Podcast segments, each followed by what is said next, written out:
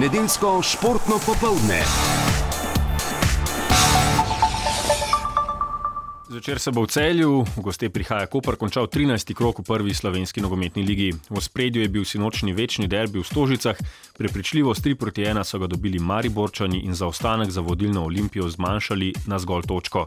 Včeraj so domžalčani za tretje mesto s 3 proti 1 premagali Rudar, Alumini pa za obstanek z 2 proti 1 Radomlje. Več Boštjan Janežič.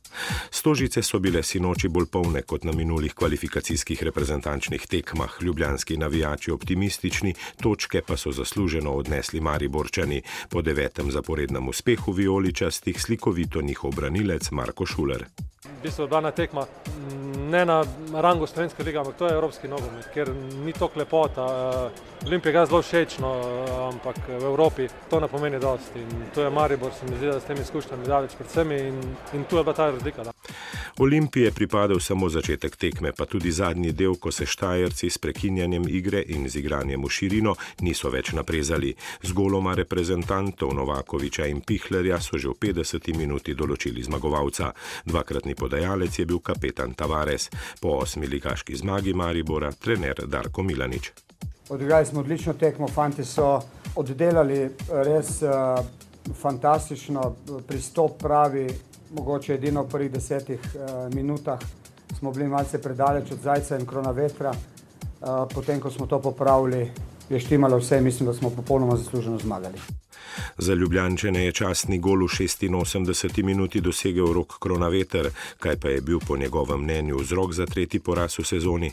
Dve napaki in dovolili Mariboru, da se že dva zadetka in pol se je bilo nekako težko vrniti. Probali smo, ampak ne vem, nam manjkalo ta konkretnost napadov in pač same posesti se ne da živeti in mogli mogoče poskusiti tudi s kakih strelom daleč, ampak vseeno smo še prvi, imamo točko prednosti.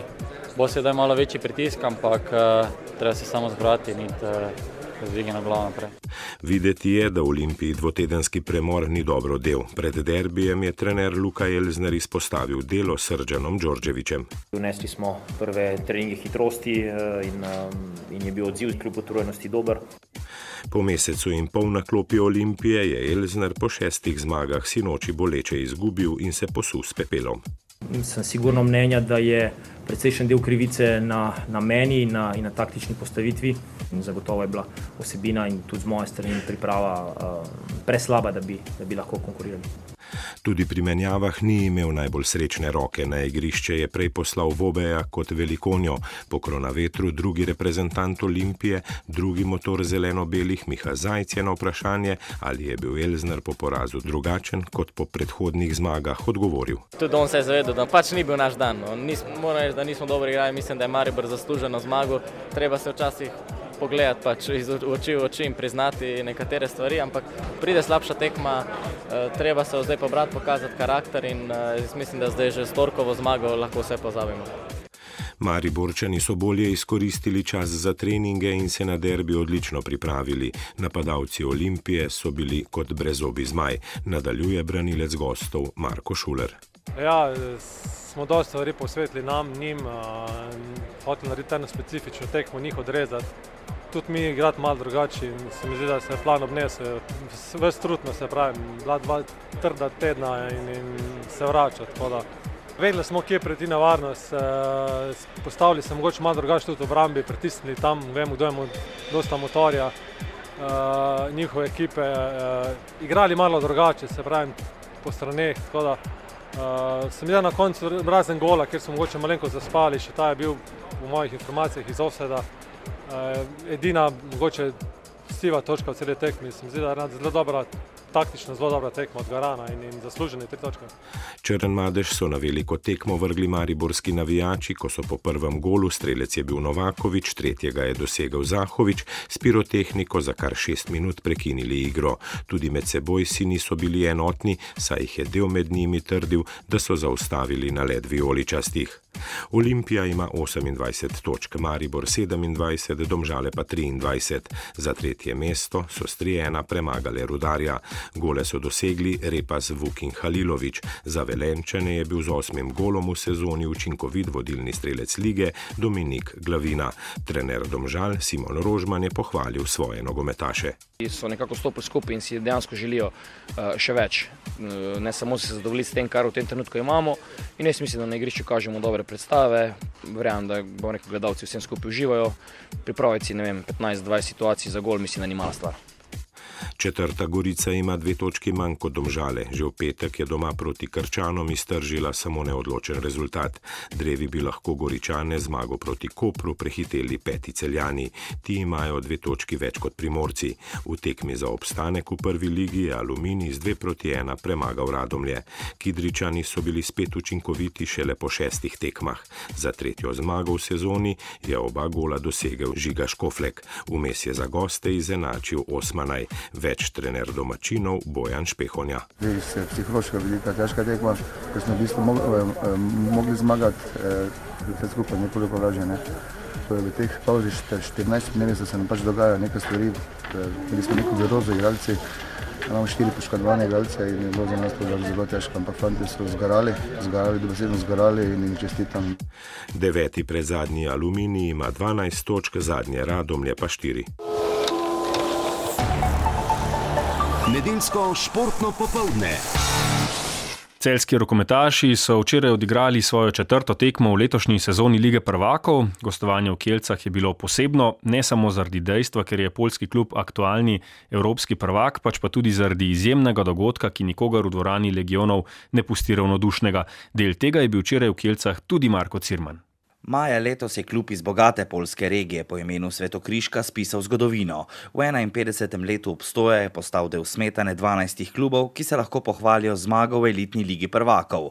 Mesto s približno 200 tisoč prebivalci diha svojimi rokometaši. Večkrat se zdi dvorana legionov z nekaj več kot 4000 sedeži premajhna za vse, ki bi si želeli biti del rokometne tekme. Tako je bilo tudi včeraj, kjer sta se pomerila evropska prvaka, aktualni in tisti izpred 12 let. Še preden se je tekma začela, je celjane pričakalo izjemno vzdušje.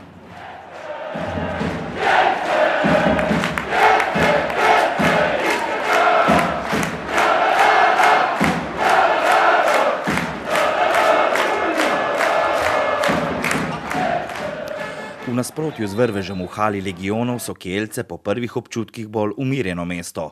V njem je opazen razvoj, takšen kot v zadnjih letih v celotni državi za voljo rastočega gospodarstva in tudi zaradi organizacije Evropskega prvenstva v nogometu, ki ga je Poljska skupaj z Ukrajino gostila pred štirimi leti.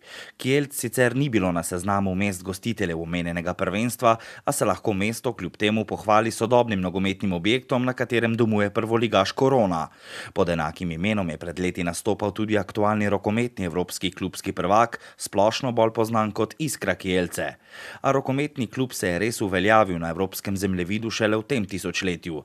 Zato je poskrbel predvsem nizozemski poslovnež Bertus Servas, ki mu je uspelo iz bogatejših rokometnih lig najprej vrniti nosilce iz polske reprezentance, počasi pa so v ta klub prihajali tudi ostali evropski zvezdniki.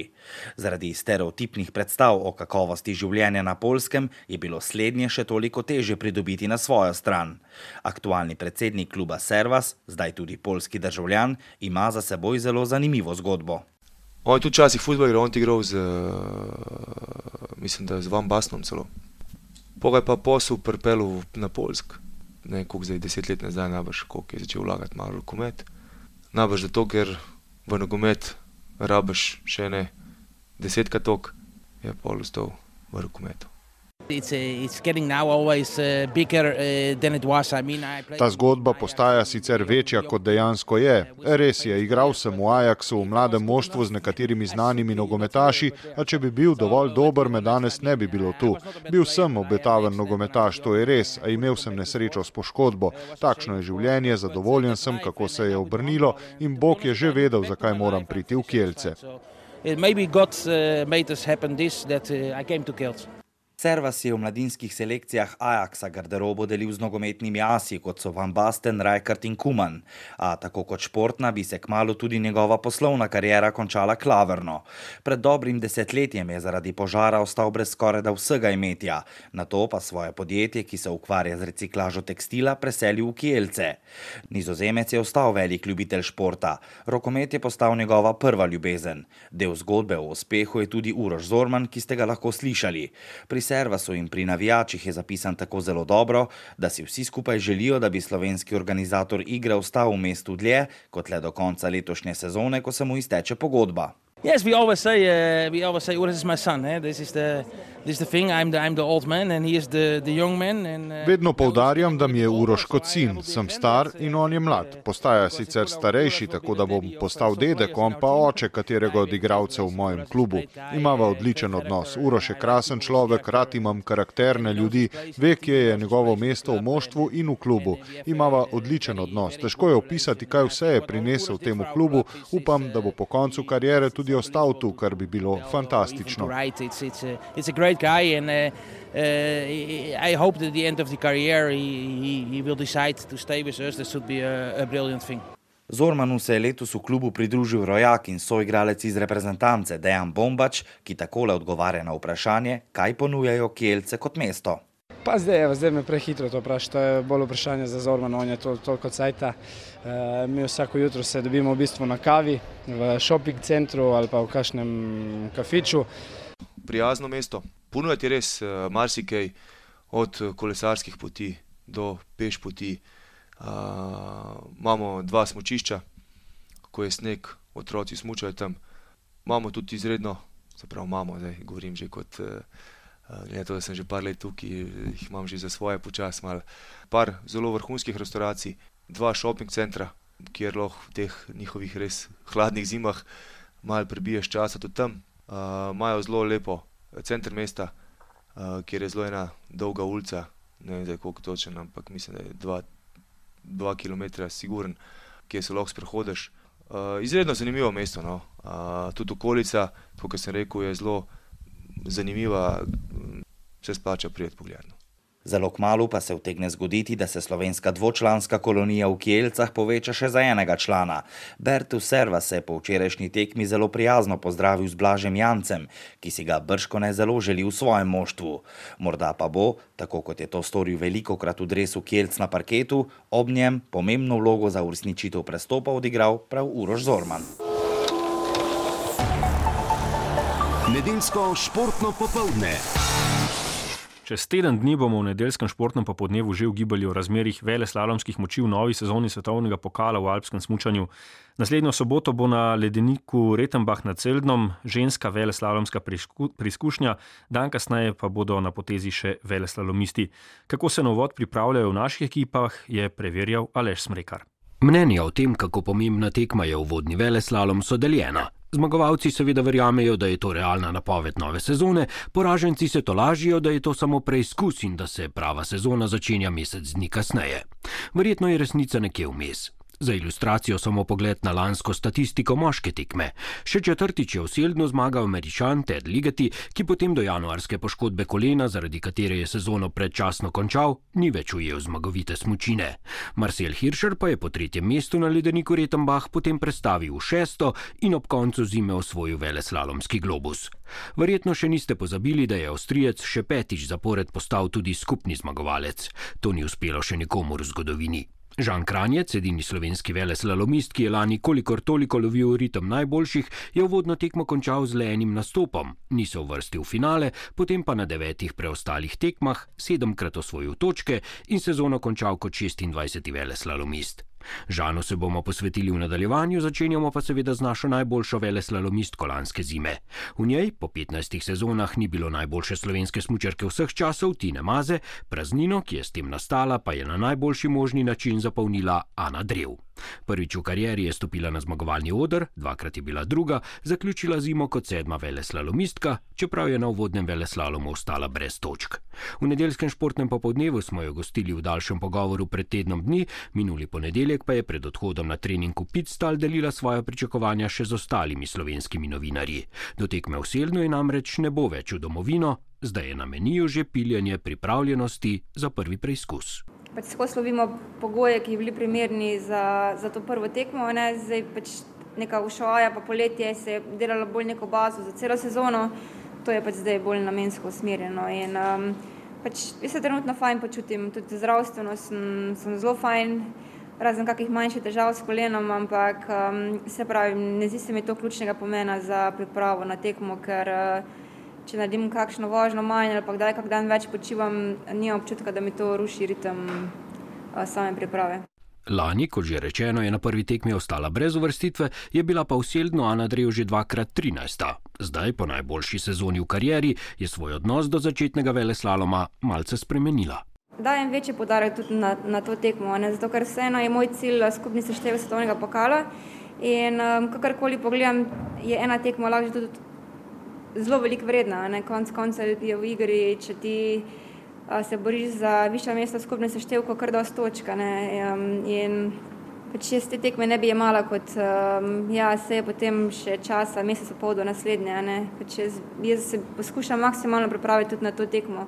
Zdaj, kako pa bo, pa še vse bi rekla, da super, če bo dober rezultat, ne?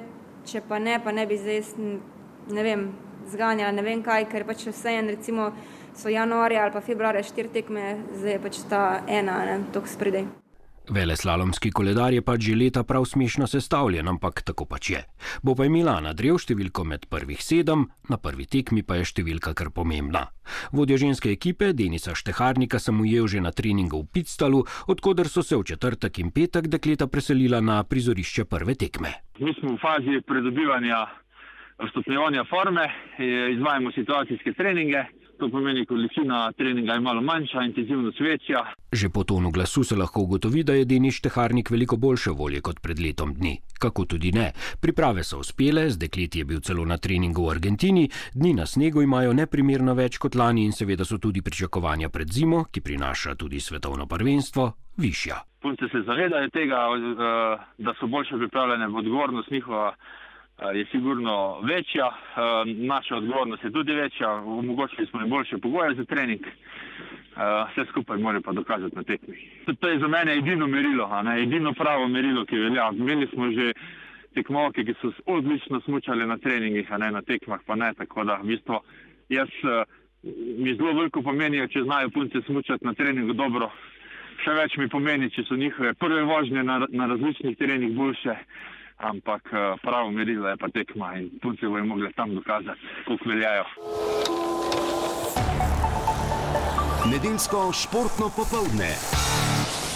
Eden od dogodkov ob slovesnosti o 25. obletnici Olimpijskega komiteja Slovenije je bila novinarska konferenca na temo etike v športu oziroma boju proti korupciji v športu. Na tej so predstavili novo spletno aplikacijo Žvižgač, ki je nov instrument za sporočanje nepravilnosti. Podrobneje Marko Polak. Ob 25-letnici Olimpijskega komiteja Slovenije je ta v sodelovanju z Ministrstvom za izobraževanje, znanost in šport pripravil nov produkt, s pomočjo katerega bi naredili konkretne korake dobre prakse poštenega ravnanja. Poimenovanje žvižgalka gre pa za spletno aplikacijo, varno linijo, ki je namenjena športnikom in športnicam, pa tudi športnim delavcem, funkcionarjem in javnosti. Namenjena je sporočanju sumov zlorab v športu, saj se ta sooča s številnimi izzivi, aferami in nepravilnostmi. Žvižgalka je dostopna vsem preko spletne strani, kjer lahko posameznik anonimno odda prijavo, ukolikor sumi, da gre za zlorabe kot so doping, nameščanje izidov, škodi integriteti organa in podobno. O razlogih in nastanku žvižgalke predsednik Olimpijskega komiteja Slovenije Bogdan Gabrovec.